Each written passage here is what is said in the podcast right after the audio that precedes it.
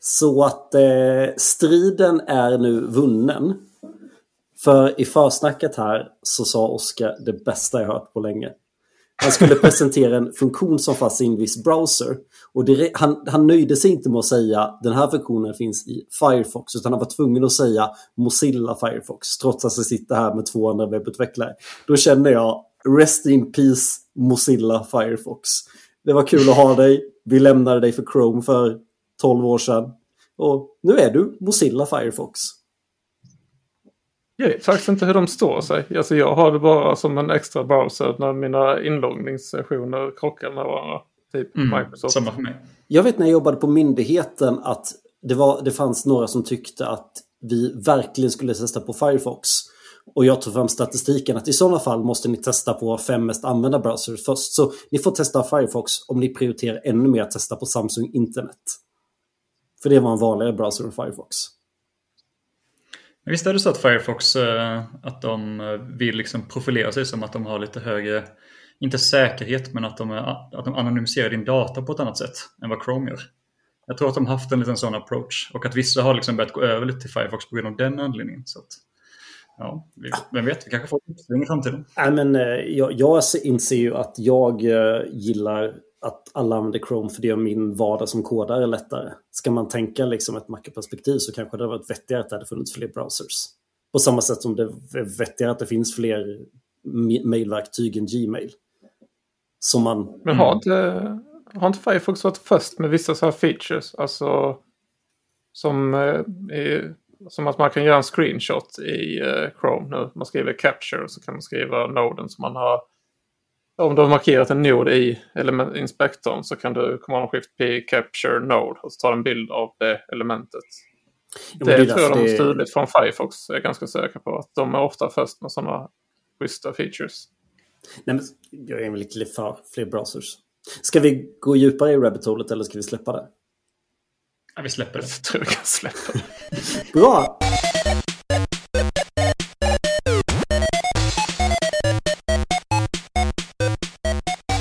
Hej och välkomna till Snacka Overflow. Jag heter Mattias och sitter här idag med Axel.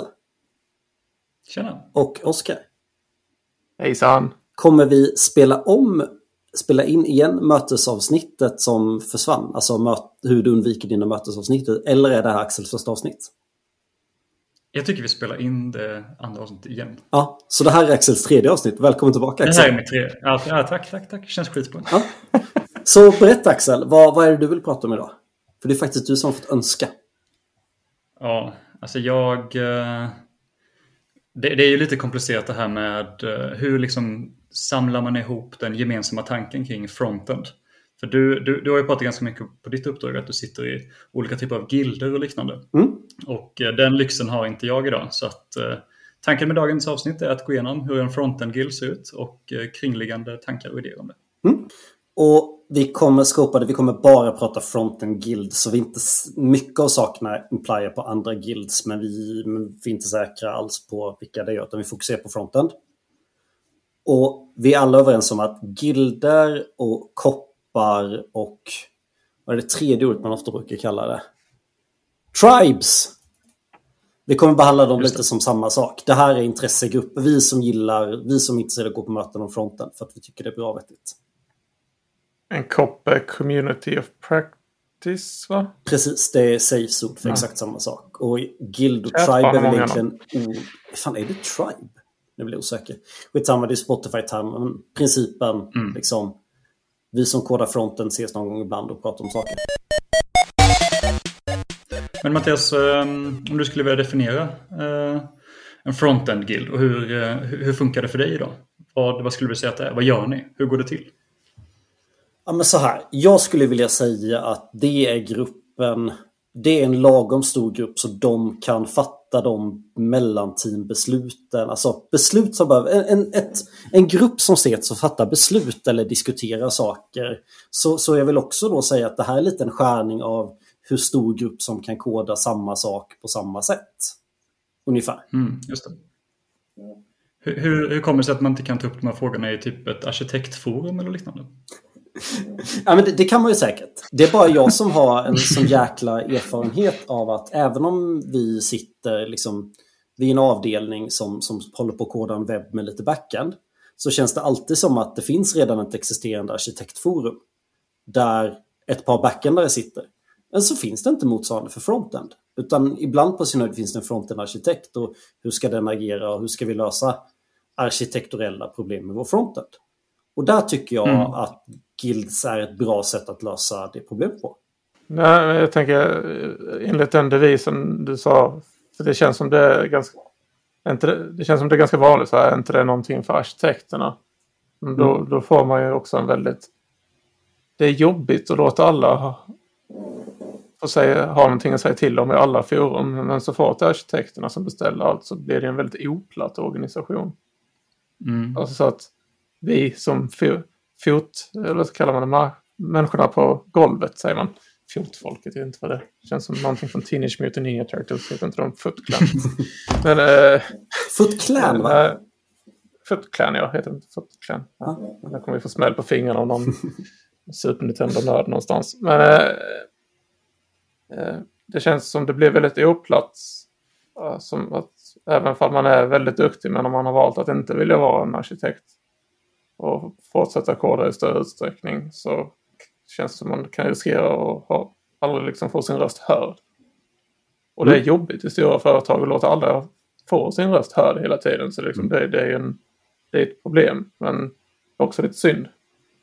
Ja. Jag, jag funderar, typ, så här, man kunnat dyka det lite senare, men vi kan på en gång ta liksom, så här, hur stor är en guild? Uh, och, och svaret är som alltid, det beror på. Eh, jag tycker om när en guild innehåller verkligen Alltså att man försöker hitta skärningar och ofta ser man kanske inte jättemånga frontändar inom ett område eller vad man ska säga. Men, men därför gillar jag så här, försök få med alla, alla som kodar fronten inom det här området. Men samtidigt så vill man inte ha ett möte med 50 pers för då kommer ju 95% bara sitta och lyssna, om ens lyssna och koda samtidigt. Inte så effektivt. Så i, i, min lilla drömvärld skulle jag kunna tänka mig att jag tror att det är svårt att få mer än 20, kanske till och med bara 15 frontendare att lösa samma problem på ungefär samma sätt. Så jag skulle säga att har du, har du mer än så många frontender så kanske det är okej att de har fler guilds. För de kommer inte, kan väl liksom de prata med varandra om de vill, men jag vet inte. Det finns kanske inget egenvärde i att fler utvecklare kodar ungefär samma sak på ungefär samma sätt. Mm, ja, men jag förstår. Jag, jag till exempel jobbar idag, eller sitter idag på ett uppdrag. Ett väldigt stort bolag.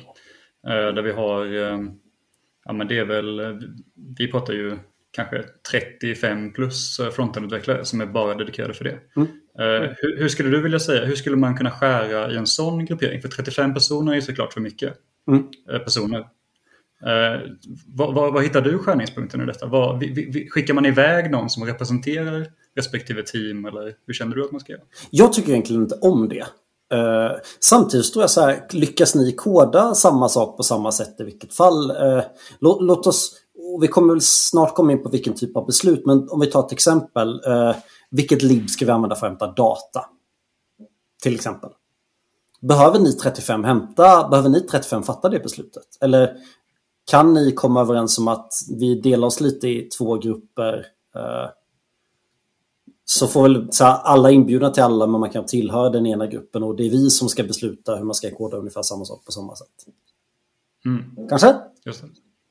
Ja, jag håller Det beror väl på hur mycket tvångstankar människor har som, och hur mycket mandat de med tvångstankar har. Vad är, vad är skälet med att de här grupperna finns då? Jag, säger, jag har sagt tre gånger samma sak på samma sätt. Men, men vad tycker ni att den här gruppen ska fatta för beslut? Ja, bra fråga. För man vill ju också ha lite, Eller lite alltså, att um, respektive team ska ha lite självbestämmande på något sätt. Mm. Um, det, det, vill man ju också. Så att någonstans måste man ju komma överens på vilka typer av beslut som ska tas. Och den, den frågan är väldigt svår kan jag tycka. För jag, jag har själv inte uh, suttit i någon, någon frontend-guild som jag tycker funkat på det sättet. Uh, jag tycker att det, det liksom blir problem av att man vill gärna sätta ihop en grupp som senare inte har någon beslutsfattare eller känner att, att någon i gruppen känner att de har mandat för att kunna ta besluten. Så att, eh, det, det känns som ett problem. Men vi, vi börjar med problemen då och sen så landar vi i hur sen. För jag har lite tyckande om hur man ska göra också. Vad, vad tycker ni en sån här grupp ska fatta för beslut? Jag kan tycka till exempel saker som tredjeparts-lib, ungefär hur vi kodar CSS, liksom, eh, borde vi aligna med något designsystem? Eller borde vi skapa ett designsystem? Eller borde vi använda MUI? Eller alltså material? Men Hämtar vi data? Har vi source states? Den typen av mer saker. existentiell fråga kring gilder då. Måste gilden, måste outputen av vad vi än väljer kalla grupperingen vara beslutsfattning? Alltså det är ju ett forum för diskussion. Men jag tycker att diskussion som inte landar i beslut, det är ungefär som en retro när man, när man drar upp allt dåligt men inte kommer till någon åtgärd.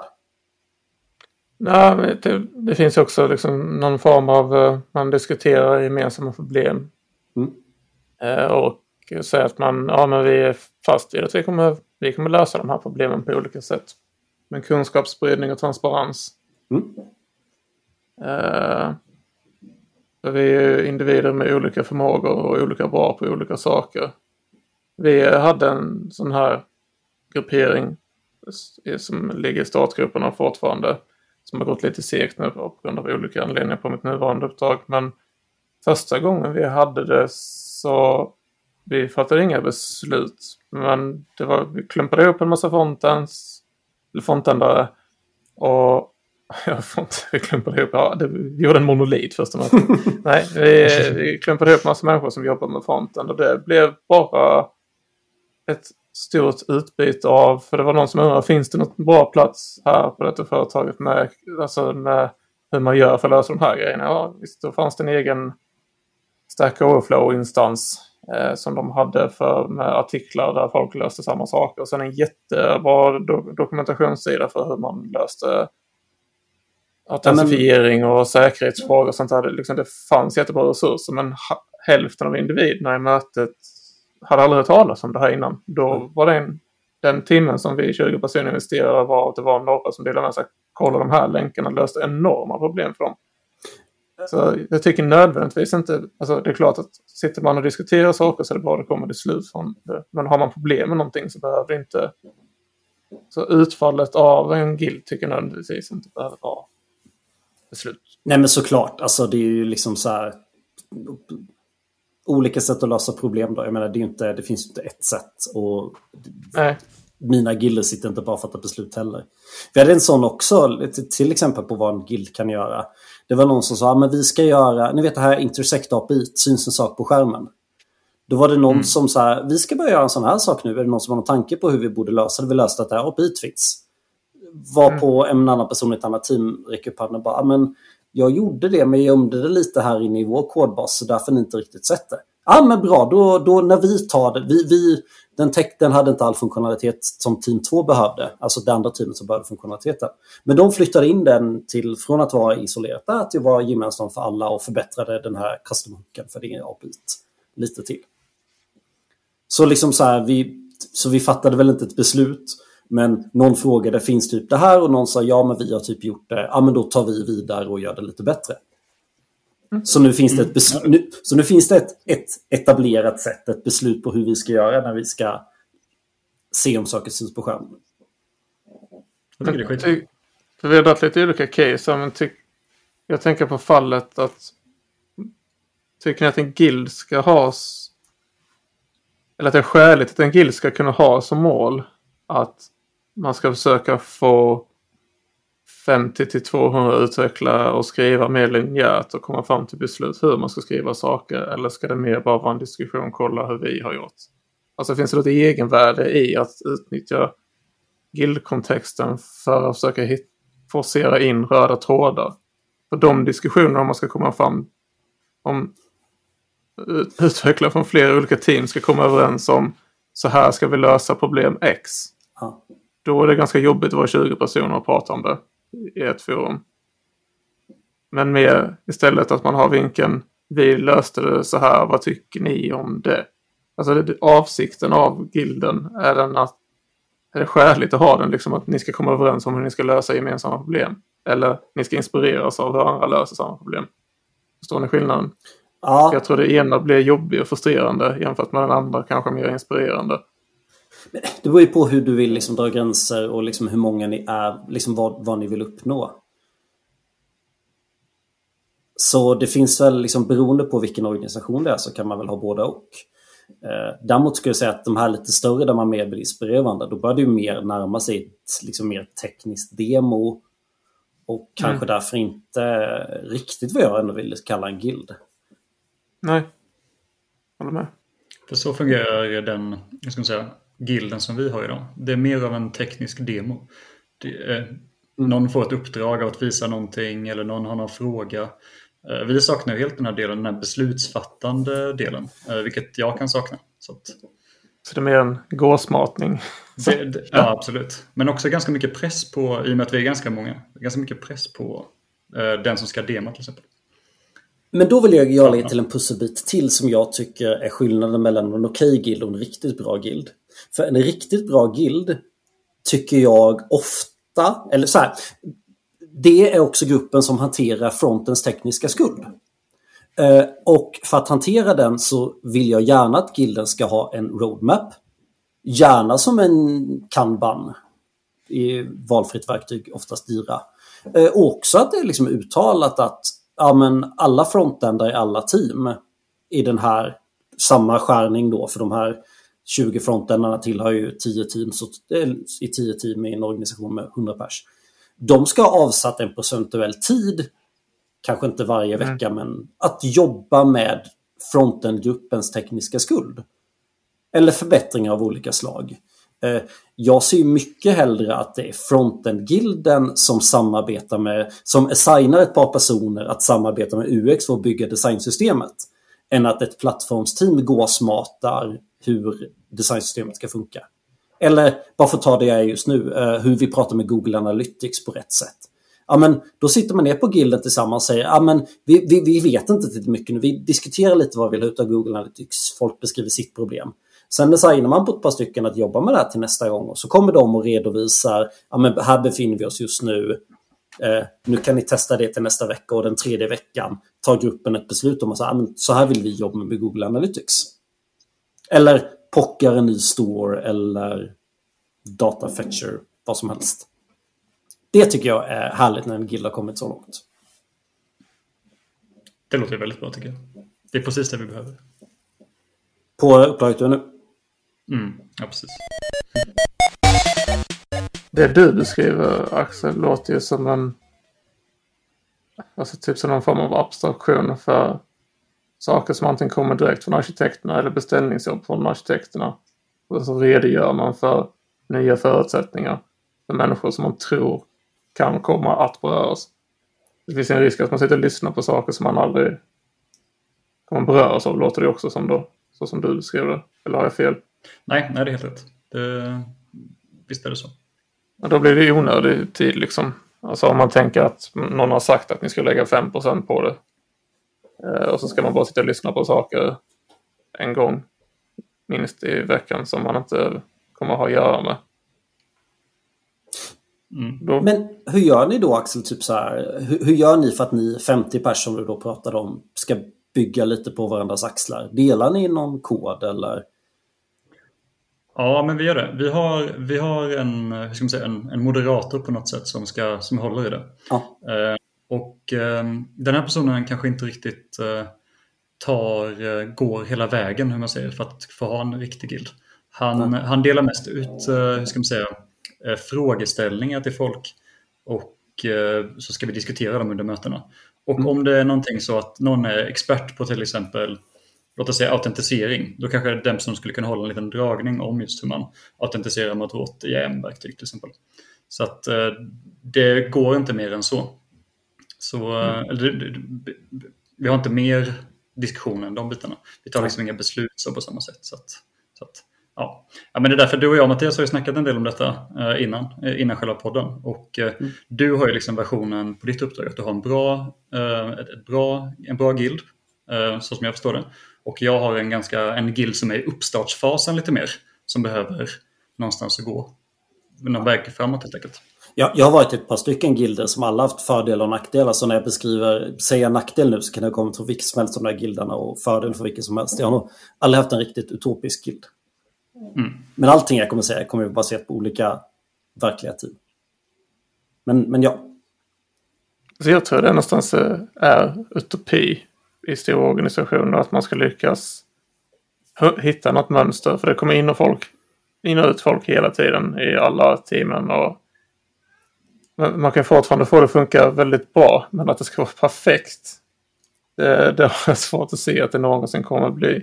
Men det finns ju inget som är perfekt och det är därför jag är, så här, det är, därför jag är lite trött på för stora gilder. För liksom, tekniker ändrar sig och vi är utvecklare. Vi, vi, vi är inte massproducerare. Vi utvecklas både själva och sett produkten vi jobbar med hela tiden. Så det finns ju aldrig rätt mm. och fel och försöker folk nå en nirvana. När man har nått sin nirvana så är den för gammal. Liksom, jag har hört om, om kollegor som är projekt som, som har försökt nå sig ner i vana. ungefär långt tills de var klara så sitter de nu på typ en fork av React som helt... Mm. De, de har ett enhetligt sätt att koda React på. Men det är så dåligt så ingen vill göra det. Helt enkelt. För att de har försökt ha för strikt. Och det, det är därför jag är lite inne på det här med liksom 15-20 pers där några kanske lite mer passiva, lite juniorare eller bara inte så intresserade. Men då, då har man ju någonstans 10 aktiva medlemmar i gilden och olika aktiva olika frågor. Jag tror den gruppen tillsammans kan liksom hjälpas åt och bygga vidare på varandras grejer. Men faktiskt vill använda alla gemensamma grejer som finns. Mm. Och då tror jag man får ett liksom, dynamiskt, bygger vidare på varandras grejer. Sparar tid för att man får rätt saker. Skalar man det mycket förbi det, då tror jag bara så här, ja den här saken löser nästan mitt problem men inte riktigt. Så jag, jag copy-pastar lite därifrån men gör en helt egen grej egentligen. Sen får man väl skilja lite så här, vissa saker bara patterns hur man gillar att koda saker, andra saker kanske mer liksom eh, måste man göra på ett visst sätt. Inloggning måste göras på ett visst sätt. Eh, man kanske måste, knappen måste kanske se exakt likadan ut överallt. Men måste man ha exakt samma kod för att knappen ska se exakt likadan ut? Nej, egentligen inte. Ja. Det, är ju, det är ju gränsdragningar där.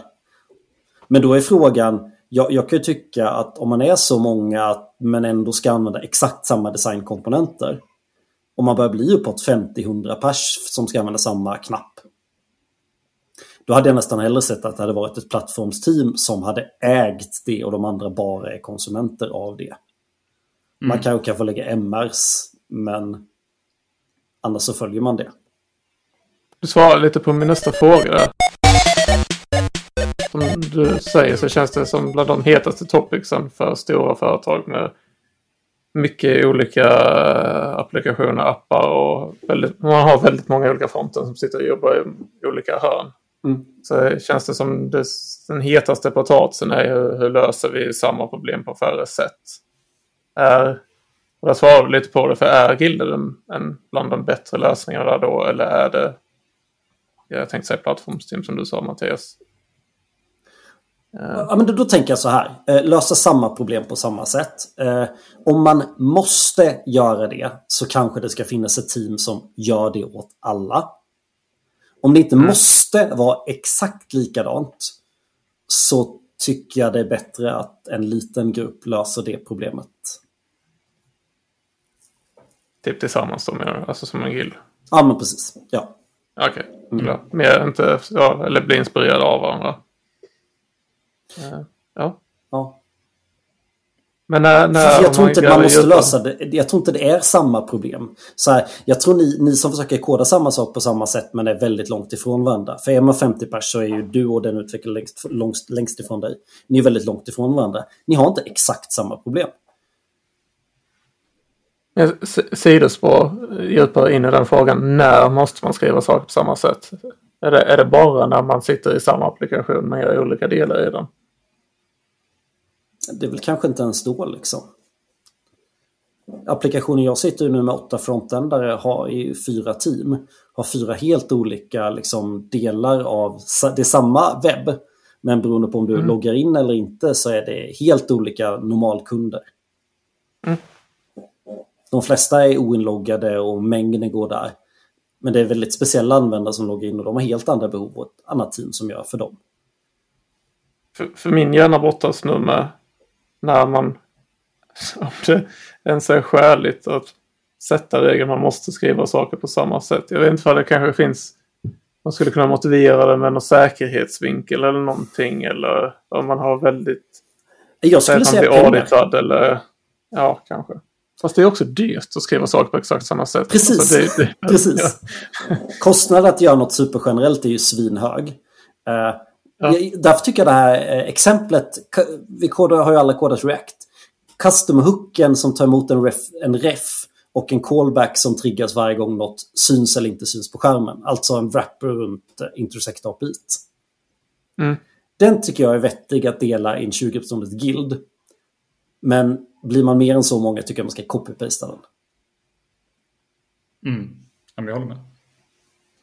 Sen kanske man inte borde koda det själv överhuvudtaget och plocka från lib. Men det kan gillen i sådana fall bestämma. Jag brottades med det här om dagen. För jag, jag skrev... Jag tror jag skickade till... Jag, skick, jag bad ChatGPT skriva en hook till mig. Som...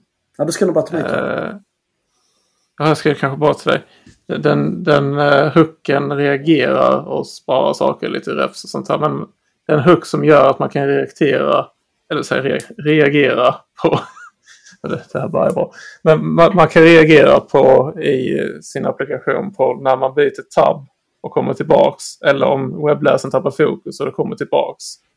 Om det har gått ett visst tidsspann däremellan. Det här löste faktiskt ChatGPT nästan rätt upp ner. Jag var tvungen till att den hade ju inte hela kontexten så det var vissa grejer som jag faktiskt tyckte, okej, okay, den grejen förstår jag att du inte löste. Den här, den blev liksom ganska komplex den här hooken för det var tre, tre stycken olika window API-event som triggades. Och den blev liksom började närma sig 200 rader. Och då satt jag och funderade, det, detta är typiskt en sån grej.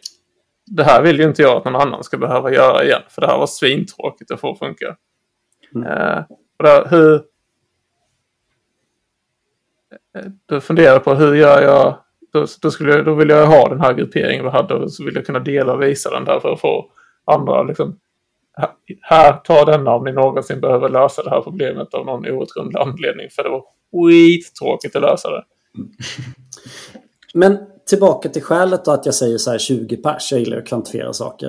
Eh, det är egentligen mm. menar att man ska vara en lagom stor grupp så alla kan, så man kan nå någon typ av majoritetsbeslut som även de som röstade emot tycker är okej. Och jag tror gränsen lite går där någonstans. Alltså, så här, mänsklig psykologi, hur många människor kan fatta ett beslut alla kan leva med? Eh, så som en följdfråga på det då, vi var ju lite inne på det. Tycker ni, så det är mängden människor som ska få vara med och fatta det här beslutet. Så min fråga, tycker ni borde, man hade ju kunnat tänka sig att man hade varit dubbelt så många frontändare men bara hälften får gå på guildmötet. Eller en fjärdedel eller något. Det är ett sätt att skala hur många frontändare som går samma sak på samma sätt. För varje team har en guild attendee som bestämmer och de andra i teamet. Mm. Vad tycker ni om det? För jag tycker det är värdelöst, men jag vill höra vad ni tycker. Ja, det blir lite... Eh, jag vet inte. Eh, tanken med en guild är väl att eh, så många som möjligt ska kunna vara med och få sin röst hörd. Och att inte mm. kanske ha den typen av hur ska man säga, diktatur. Så att, så, ja, nej, jag vet inte. Men en rolig tanke då? Jag kan ju tycka att i, i min drömstartup så jobbar ju alla full stack och är T-shaped och sådär. Eh, men när man är T-shape då har man ju ett djup och sen ett par grunda saker. Liksom jag kan, eh, jag kan copy-pasta hur vi pratar med databasen men jag vill att någon reviewar det. Eh, men jag kan skriva frontenden och så skriver jag lite testautomatisering. Men jag vill att någon, ja, ni, ni förstår. Mm.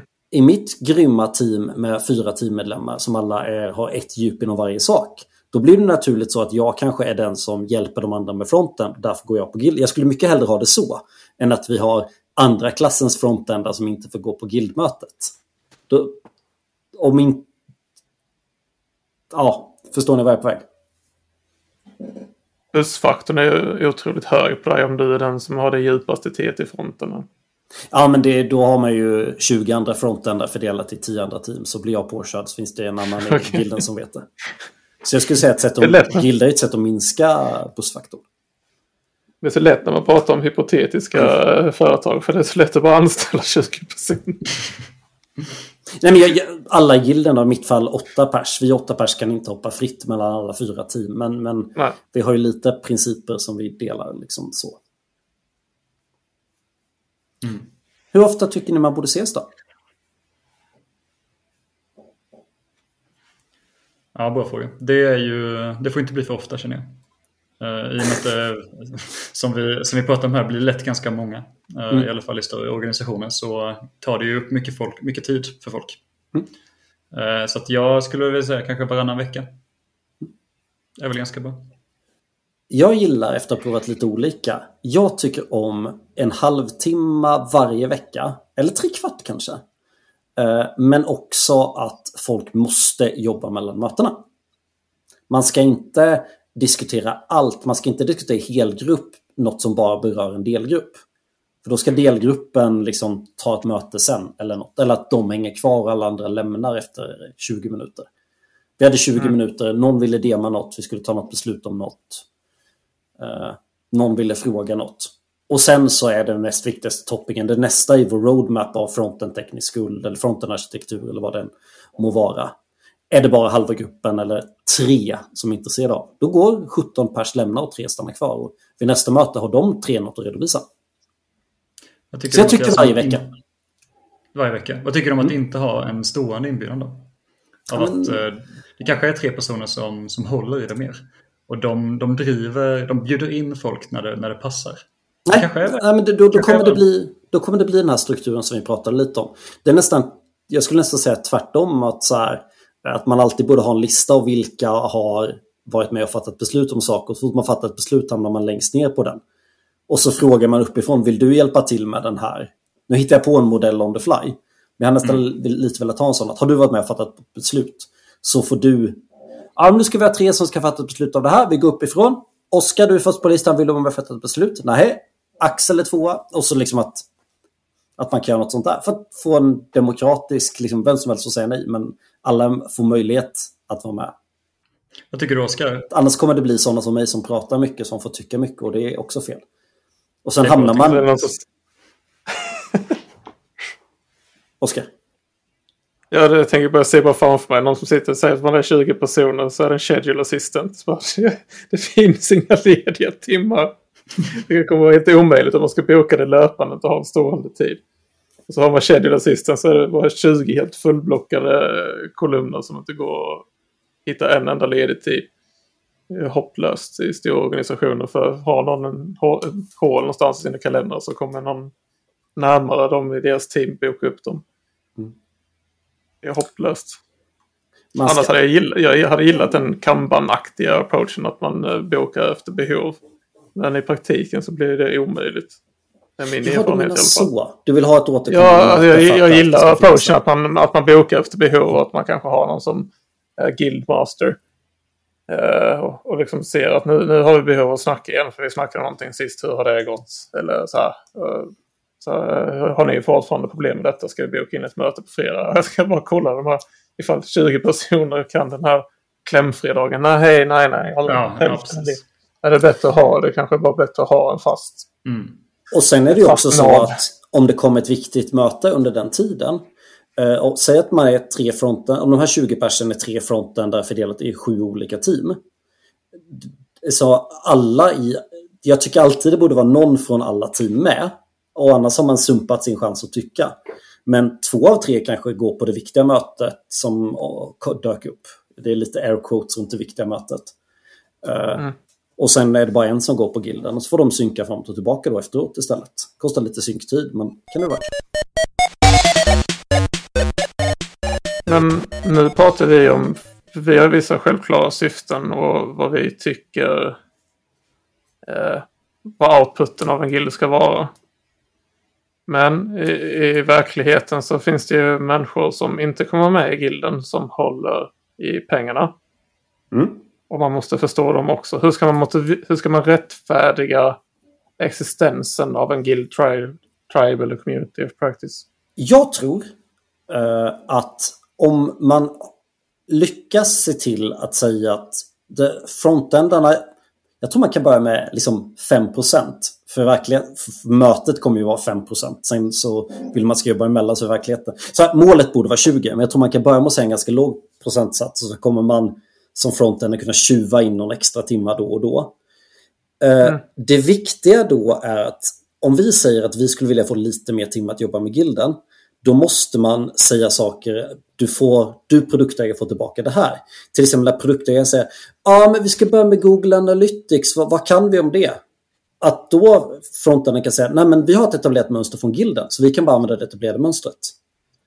Uh, hur många gånger har inte du suttit och sagt ja men vi väntar på att fronten-arkitekten ska, ska fatta ett beslut. Tänk, mm. och produktägaren, hej kära produktägare, du slipper höra fronten-arkitekten ska fatta ett beslut utan du kommer istället få höra eh, ja men jag kan ta det med fronten-gilden så du behöver inte lägga till det här i din backlog för fronten-gilden löser det här. Antingen har vi redan löst det eller så kommer vi lösa det inom någon vecka. Det kommer kosta dig att vi alltid är reserverade på, på 20% att göra andra saker. Men du kommer alltid när vi har fronten-problem få svaret gilden löser det. Och så är det problemet löst. Kommer aldrig ligga i din backlog. Slippery slope när gilden får sin egen bräda. Varför det?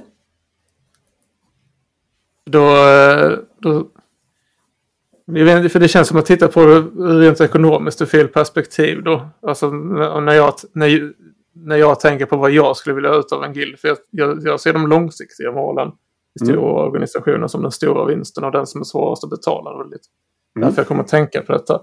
Det är och... transparensen och kunskapsspridning. Och som, eh, som över tid är helt omöjlig att kvantifiera och nästan förklara men det är liksom också liksom hållbarhetstänk med anställda att hålla, hålla folk fräscha och ajour och liksom förse folk med kanske lite roligare kontexter också än att bara sitta och inte få sin röst hörd i sina team. Liksom att det, det, det kan vara ganska hälsosamt med en guild.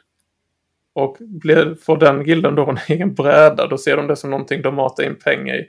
Och så blir, det, kan det snabbt bli en sidetrack för alla teamen. Det som vi inte löser i de här teamen. Vi, ja, men fan knuffar vi in X pengar i den här så kanske de kan lösa det här och jobba jättemycket istället. Men de får egentligen bara jobba en timme i veckan. Men det, det, det, det finns, det känns som det finns utrymme för svepskäl för folk som bestämmer. Och jag tror inte det, och jag förstår dem för kan man hitta, ja oh, gött, vi, kan, vi har en magisk bräda här där vi kan mata in krav som vi inte kan göra i de andra nej, men, nej, nej, fast alltså det är ju inte så att det är produktägaren som, som matar den brädan utan det är ju en bräda som frontendgruppen det är bara frontendgruppen som, alltså den gilden som skapar saker dit. Ja, det tycker vi, men någonstans är det liksom, någonstans är det några som finansierar gilden. Och det, där beror det helt ja, och hållet på hur moget företaget är att jobba med utveckling, skulle jag säga. Men, mm. Alltså någonstans måste man ju rättfärdiga, alltså i slutändan så är det ju kronor och ören som gör att eh, gilden får existera. Och det det, jag, tänk, jag tänker att det, om, man, om man lyssnar på det här och vill introducera en guild, om man kan hjälpa till och ge dem några verktyg för hur man ska motivera varför den ska finnas och motivera vad outputen skulle kunna bli. Mm. Det tycker jag är det svåra. Och, och där känner jag att i det, på mitt nuvarande uppdrag att vi, det är det svåraste, alltså problemet.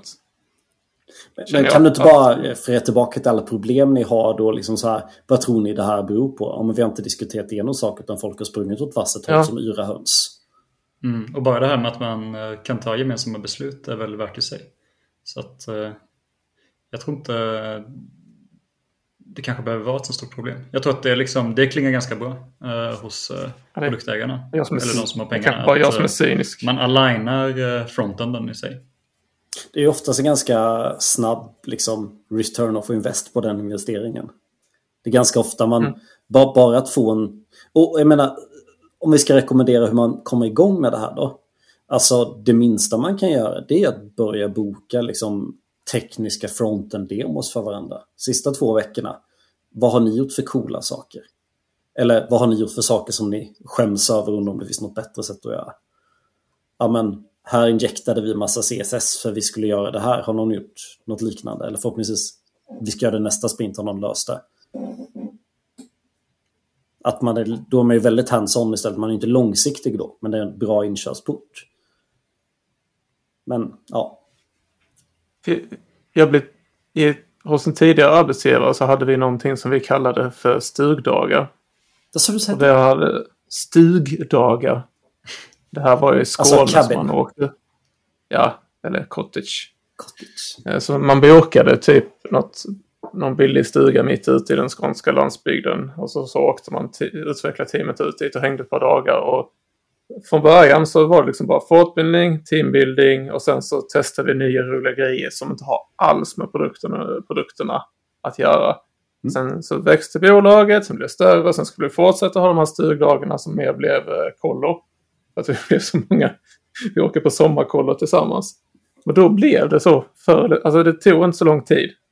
För när det blev många människor och så investerade man ganska mycket pengar i det för man skickade 40 utvecklare. Det är lite samma problem som jag ser att man kan få med gilder. Helt plötsligt satt vi och gjorde pockar på saker. Alltså att man, man hade med sig saker som man ville lösa i produkterna. Men vi låter hippiesen lösa det på sommarkollot och göra pockar på det. Och så kom vi tillbaka och ibland så kom de här sakerna. Det var ju bra på ett sätt men jag kände att från tiden jag började tills jag slutade så hade de här stugorna helt ändrat eh, eh, syfte. Mm. Från början var det fortbildning, teambildning, vi ska ha kul ihop. Grillar lite, knäcker en bärs och sen så åker vi hem igen och så är vi jätteglada. Och så står vi ut med varandra fram till sommaren. Men sen så blev det istället att vi åker någonstans och får se ut en massa pox. Det, det, det, känns, det finns en fallgrupp där för vad man än vill kalla de här grupperingarna, att det blir det också. Så länge man kan behålla glädjen och, och se vad det är så ser jag, ser jag möjligheten i det alternativ, båda alternativen. Liksom.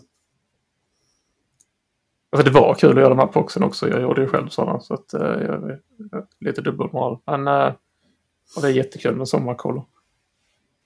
Fast för vuxna.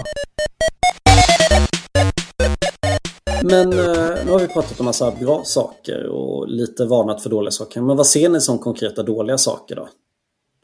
Jag menar, i i värsta fall kostar det ju bara timmar. Kan det, kan det skada? Jag tror väl att eh, om det har dålig struktur, att eh, det inte finns tydliga ledare som, som håller i det, så känns det Mm. som att det skulle kunna ja, eh, slösa på folks tid helt enkelt. Så att Men- men att det- någonstans- Kan det vara något värre än att slösa? Kan det bli något antipattern förutom att det kostar pengar och inte leverera någonting? Kan det störa? Det skulle kunna tas dåliga beslut. Kanske. Ja, men då behöver man bara inte följa dem. Om man tycker beslutet är dåligt följer man det inte och då, då har det inte spelat någon roll. Mm. Då har du tagit samma dåliga beslut utan gilden också. Ja, det är sant. Det stämmer. Och, så, så det enda risken är att det blir en waste of time. Och du var inne på det, man behöver bra ledare. Vad, vad tror vi att man behöver för saker för att det inte ska bli en waste of time? Ja, det är väl att eh, det är, att det är liksom bra ledare som, som driver i det. Eh, en tydlig agenda på något sätt. Eh, Mm, k- kanske, inte för, kanske inte för många personer i de här mötena. Att försöka, i den mån som går, försöka reducera ner det så att det känns som att eh, man tar del av det, inte det, ja, slösar på folks tid. Ehm, det, det känns vettigt att ta beslut eh, under själva mötena tror jag också är viktigt. Att det känns som att det ger något mer värde till bolaget i sig så att man kan visa det inför, ja, men lite som i ditt fall Oskar, att man är rädd för att eh, Eh, produktägarna eller de som håller i pengarna kanske inte tycker om det. Så att man visar på värde. Så jag tror de här sakerna är väl nyckelfaktorer i eh, en, en lyckad guild. Jag håller med allt du säger. Eh, vill lägga till en sak. Eh, du sa att det ska vara en tydlig ledare eller vad du sa. Jag tycker en bra... Det är jätteviktigt att ledaren för den här gruppen inte tar en för dominant roll. Den ska leda, men kanske inte vara den som behöver... Kanske den som ska fatta minst beslut. Det kanske finns en poäng att det kanske inte är den mest seniora som är ledaren, utan bara den mest drivna. Den Ja, kan inte ha flest svar, men den är intresserad av att driva processen. Ja, men Jag tror det här med, med engagemang och driv, det tror jag är kanske nyckelfaktorn lite. I, i, speciellt om man ska göra detta, i, som i ditt fall Mattias, varje vecka. Då krävs det verkligen ett, ett driv på ett annat sätt. Det, den, den, måste, den, den, behöver inte komma till ett enda beslut, men den behöver leda gruppen så gruppen diskuterar och kommer till ett beslut. Mm. Den kanske bestämmer vilken beslutsmetod vi har. Måste det vara konsensus, alltså att ingen säger nej, eller måste det finnas en majoritet som säger ja? Alltså säg att man får säga tumme upp, tumme ner eller tumme neutralt. Måste det vara 50% tumme upp eller räcker det med att det inte är 50% tumme ner? Vilken beslutsmetod? Jag tror också man måste ha några sådana eh, guild preachers också. Det behöver inte vara en person där som är ledare, men några som liksom för över tid så kommer en sån här gruppering ifrågasättas av folk som inte är med i den eller folk som kan få in pengar i den. Jag tror att man, om man har en riktigt bra, en eller flera stycken bra ledare i den här grupperingen som kan motivera varför den existerar. Så att eh, enskilda individer aldrig... Alltså man kan, att man kan minska gångerna enskilda individer blir ifrågasatta varför man är med i gilden. Att man har några som kan motivera varför det finns. Alltså att det också är inkluderat i den ni sa med en bra ledare så tycker jag att, de, liksom, att det finns någon som kan förklara varför vi är här. Mm, jag håller med. Och de i, ska min, I min också... cyniska företagsvärld så kommer man bli ifrågasatt på det här och med goda skäl. Men då är det ganska skönt om kanske den inte mest juniora utvecklaren behöver stå för det helt själv som är med i frontend-gilden en gång i veckan. Utan att man har faktiskt människor som kan, man kan vända sig till. Eh, Jag har en fråga till dig Oskar.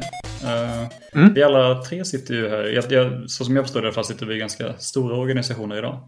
Eh, Mm. Om man kollar på mindre organisationer som, som inte ha, har 40 stycken ut- frontendutvecklare till exempel.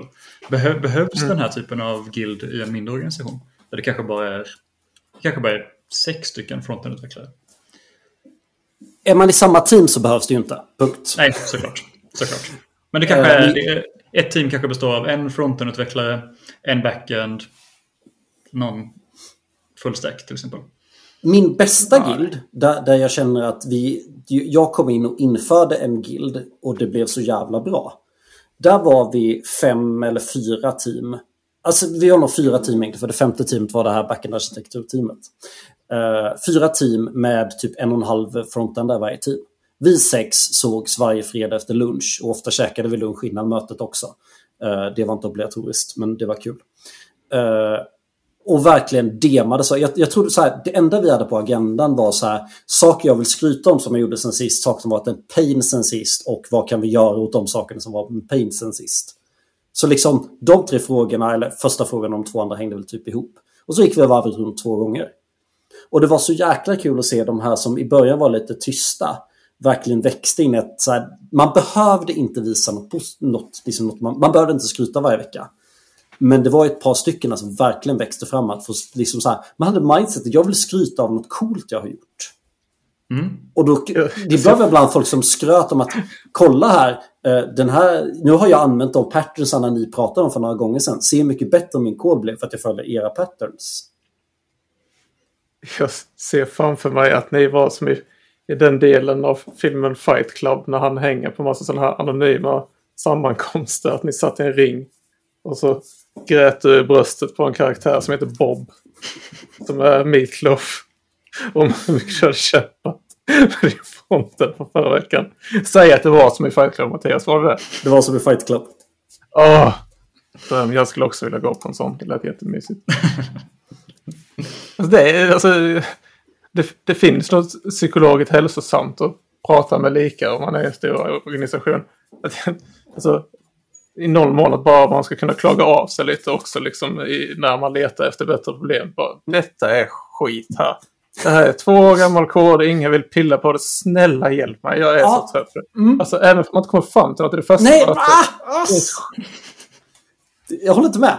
För man vill komma fram till något. Om, om något är skit. Grejen med den här gruppen är att när vi satt en utvecklare varje team och vi, hade vass, vi kodade i mikrotjänsterna precis, mikrofronten precis bredvid varandra. Eller till och med ibland i samma mikrofronten där. Eh, Mm. Hade vi bara suttit och klagat. Så här, innan satt folk och klagade med sitt team och teamet förstod ingenting. Och sen satt man och började klaga inför fronten istället och då bara, ja men vi har ungefär samma problem, vi borde kunna lösa det tillsammans. Och då lös, inte bara klaga utan också faktiskt försöka lösa. För ska man bara klaga så är det knappt ens lönt att, att då blir det bara negativt nästan. Jag förstår att man behöver få ut det också. Men det kan man nästan ta med sitt team bara. Om det är känsligt i ens egen team då. Ja, det kan du. det känns som att ha någon slags plats på bolaget där man kan bikta sig. Ja, det, det hade varit skönt ibland. Så, då, jag är den enda personen för mitt team. Där man bara får snacka skit om sitt team. Just det, du behöver ju också ett, ett extra gnällmöte, Oskar. Du kan klaga ja. lite. Vad är, en, är det en titel Mattias? Mikrofrontändare? Jag ser framför mig en väldigt liten person. väldigt kort frontändare. Ja, ja, en miniperson. Alltså, ja, som den här lilla personen i Microf eller vad säger Mandalorian. Vad heter den? Eller ni kanske inte kollar på Star Wars-serien? Nej, tyvärr inte sett. Nej, det, det är en väldigt liten person där som... Baby Yoda, tror jag. Ja, men, ja, nu tänkte jag på den här personen som är som någon smed. Jag såg framför mig en sån liten Star Wars-karaktär som ska... ja, kul. Nu har jag preppat klart mina kort. Vill ni reda på vad det är? Mm, gärna. ja. jag, jag gick ju en kurs i Unfix för någon vecka sedan. Eh, världens bästa agila ramverk. Efter, ja, eftersom Pipedrive använder det indirekt. Men en sak som han pratade om som jag tror att en guild behöver ha är att en, om vi ska säga att gilden ska ta massa beslut. Då ska gilden bestämma sig för vilken beslutsmetod man ska ha. Och nu har jag valt ut sex kort av de typ 20 korten av olika sätt att fatta beslut det finns på. Uh, jag ska mm. redovisa dem för er då. Det finns kortet unam uh, Unamity. Alltså att alla grupper ska säga ja för att vi ska kunna fatta det här beslutet. Ska vi införa sustan istället för redux? Alla säger ja. En majoritet säger ja. Konsensus. Vi diskuterar fram tills Ja, ingen är starkt emot beslutet. Mm. Consent, nästan samma sak, men tidigare i konsensus var ingen starkt emot. Nu får ingen vara, så länge ingen blockar så får man köra. Så i princip samma sak. Och det var väl egentligen skalan på, på den typen av beslut. Sen har vi, om man har flera olika alternativ kan man köra dot voting. Det finns andra alternativ om det finns fler alternativ. Och min favorit, den som har högst lön får bestämma. Jag tror, det, jag tror det är ganska viktigt att en guild bestämmer sig för vilken beslutsmetod man ska ha. För man kommer ju aldrig vara helt överens. Den här lönen, tror... Mattias, liksom, hur, hur, går den till rent praktiskt? Får man liksom skriva sin lön på tavlan? ja, precis. Så går det till på den. Så får man liksom... mm. Och det sista var ju då Det får man tänka på. Oftast. Får man tänka på safe? Vilken del är det? Ja, jag har till och med jag har gått en safe-utbildning men jag utövar det så lite. Men det finns ju någon, när man votar Fist of five. Ja, och ja, sätter man lägre än, vad är det man sätter, sätter lägre än en viss så, siffra så måste man göra om allting. Jag har alltid velat göra det. Fist of. Och, och, och, uh, nice. What odd one out. Haha, nu måste ni göra om allting i två dagar.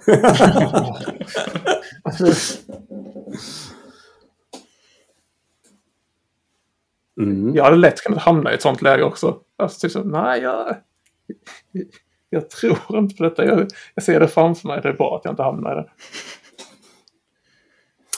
Har ni varit med om det någon gång? Ni har jobbat i SAFE båda två va? Nej, jag knappt. Jag tror jag har varit med på tre PI-planeringar kanske. V vågar man säga tur för er? Det, det vågar man. Uh, jag tror även någon som är safe-förespråkare väldigt mycket börjar landa i nu att det är väldigt många safe-implementationer som har gått väldigt dåligt för folk har tolkat det för bokstavligt. Mm. Uh, inte tagit det som ett sätt av regler, eller så här, sett det som ett en, en gäng regler, inte en, ett mängd verktyg man kan välja på när du snickrar hemma så pluggar, skruvar och spikar du inte i samma bokhylla. Utan du väljer en av de tre metoderna. Medan Safe säger de här tre metoderna finns. Och då tolkar folk det som att använda alla tre utan att tänka. Det var min korta men diplomatiska rant om Safe. Jag tyckte du höll igen mer än vad du brukar göra Mattias. Ja, snälla idag. Men vad säger vi om Gills då? Så är det en bra grupp för att de kommer komma fram till bra saker lite oavsett vad man gör. Uh, mm. Vi pratar om framgångsfaktorer som våga vara lagom få. Uh, hellre kanske att man har flera gilder och så får de kanske challengea varandra och är det något som är så himla viktigt att det ska vara på samma sätt då ska det kanske vara plattformstyp. Ni nickar. Så om man vill starta en ny val. guild så... Om Ja, man lyssnar här och vill starta en ny guild då är det liksom bra tips. Ska- Det är det vi säger. Och börja, som alltid, börja smått. Börja med agendan, dema saker för varandra, fråga saker varandra. Fråga är det någon annan som lider av det här, borde vi göra något ordentligt? Och sen kanske försöka med tid försöka bygga upp en grupp som får äska tid som man faktiskt kan... Man behöver inte ha en girabräda. Men jag tycker alltså, men som man brukar ha en arkitekturell roadmap. Det borde ju en sån här grupp ha också. Så det inte är sitter någon eldsjäl och funderar på ja, men borde vi köra... Att det sitter en person och funderar på borde vi köra... Borde mina, borde mina fem team som jag är arkitekt för, borde vi köra monorepo? Utan att man tar det beslutet tillsammans.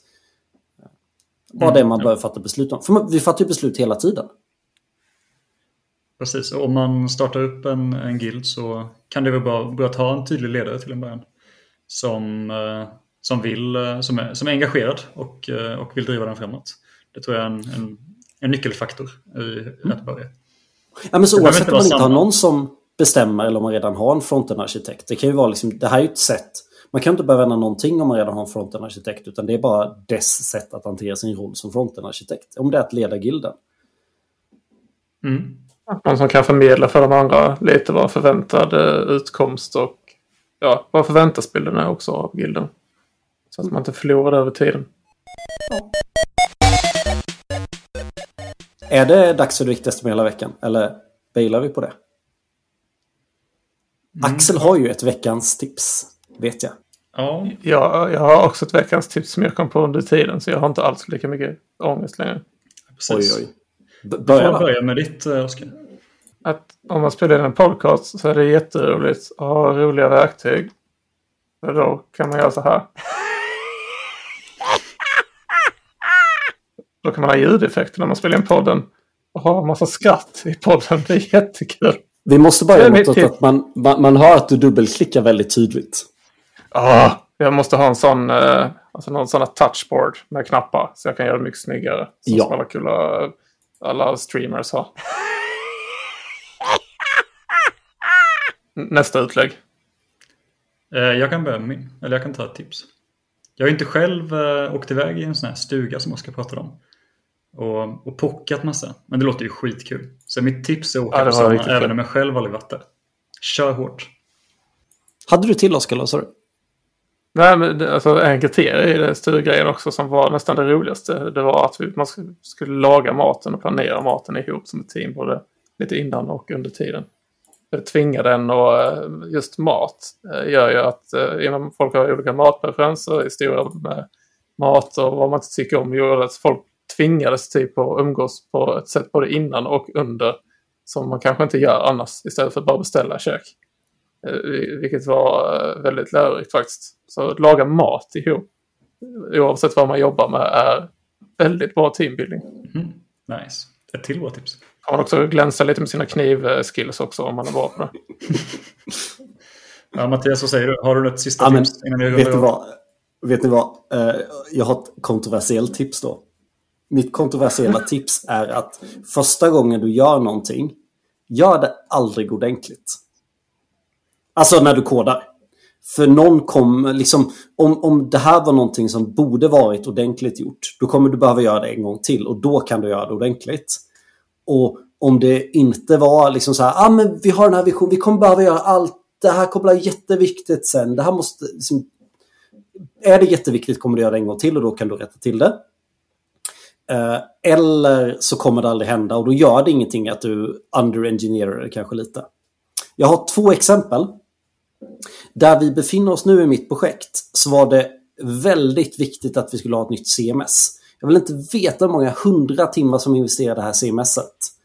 Och det, liksom det, det börjar, jag har varit på uppdraget, att det spelar ingen roll. Eh, när vi än så länge knappt inte använder det. Eh, vi hårdkodar strängarna, liksom det datan från CMS, ta emot det på mail och uppdatera, hårdkoda in det i källkoden tills det blir jobbigt. När det blir jobbigt, det är då du behöver ett CMS. Så här, du kan väl veta att du av skäl kommer behöva ett CMS, men, men ni förstår min poäng. Eh, Mm. på, på samma sätt, eh, översättningar. Jag har ju faktiskt fått eh, de som håller på med copy att lära sig gå in i GitLab och trycka på edit-knappen. Och trycka, jag, jag har lärt dem att ordet commit betyder spara. Och så ska de välja där nere, spara och öppna en merge request. Och jag ligger mycket hellre dubbelkolla att, det, att, det, att de uppdaterat rätt key. Än vad jag sitter och managerar något översättningssystem. Så gör inget ordentligt är mitt tips. Vad tycker ni om det? Ja, jag, jag älskar det. Skitbra. Jag gillar att du kommer med de mest kontroversiella tipsen när du börjar närma dig föräldraledighet så att vi får ta alla repressalierna. De kontroversiella tipsen är du borta. Nej men alltså så här. Eh, jag, jag är inte, eller jag, jag är ju 100% seriös. Man ska ju tolka det rätt. Eh, vet, men vet man inte hur stabilt någonting är. Jag har väldigt sällan varit med om att folk underarkitekturerar saker. Alltså folk gör alltid för en för avancerad lösning. Absolut. Börja enkelt och är det, jobbigt, är det jobbigt att hantera den enkla lösningen, gör då en avancerad lösning. Så, så okej, jag omformulerar då. Gör den enkla, inte den avancerade lösningen första gången. Mm. Wow, Otroligt. filosofi. Skaffa Ja, nu var jag för sen på ljudeffekterna. Det har varit jättebra med ljudeffekter där. Vänta. Fick en slow clap. 15 sekunder för sent. Har du ingen så här sad trombone eller något sånt där? Wow, wow, Nej, det är för, biblioteket är för dåligt. Vi måste ta tag i Mm, det. jag tror du får lägga in våra egna. Du får ge mig Ja, det kontot kul. ska jag bara fylla på det. Skitbra. Tack så mycket alla som lyssnat. Ha en fortsatt trevlig tisdag och eh, ja. Tack för att ni lyssnade. Ha det bra. Vi hörs. Ha det bra. Hej! Hej! Hej!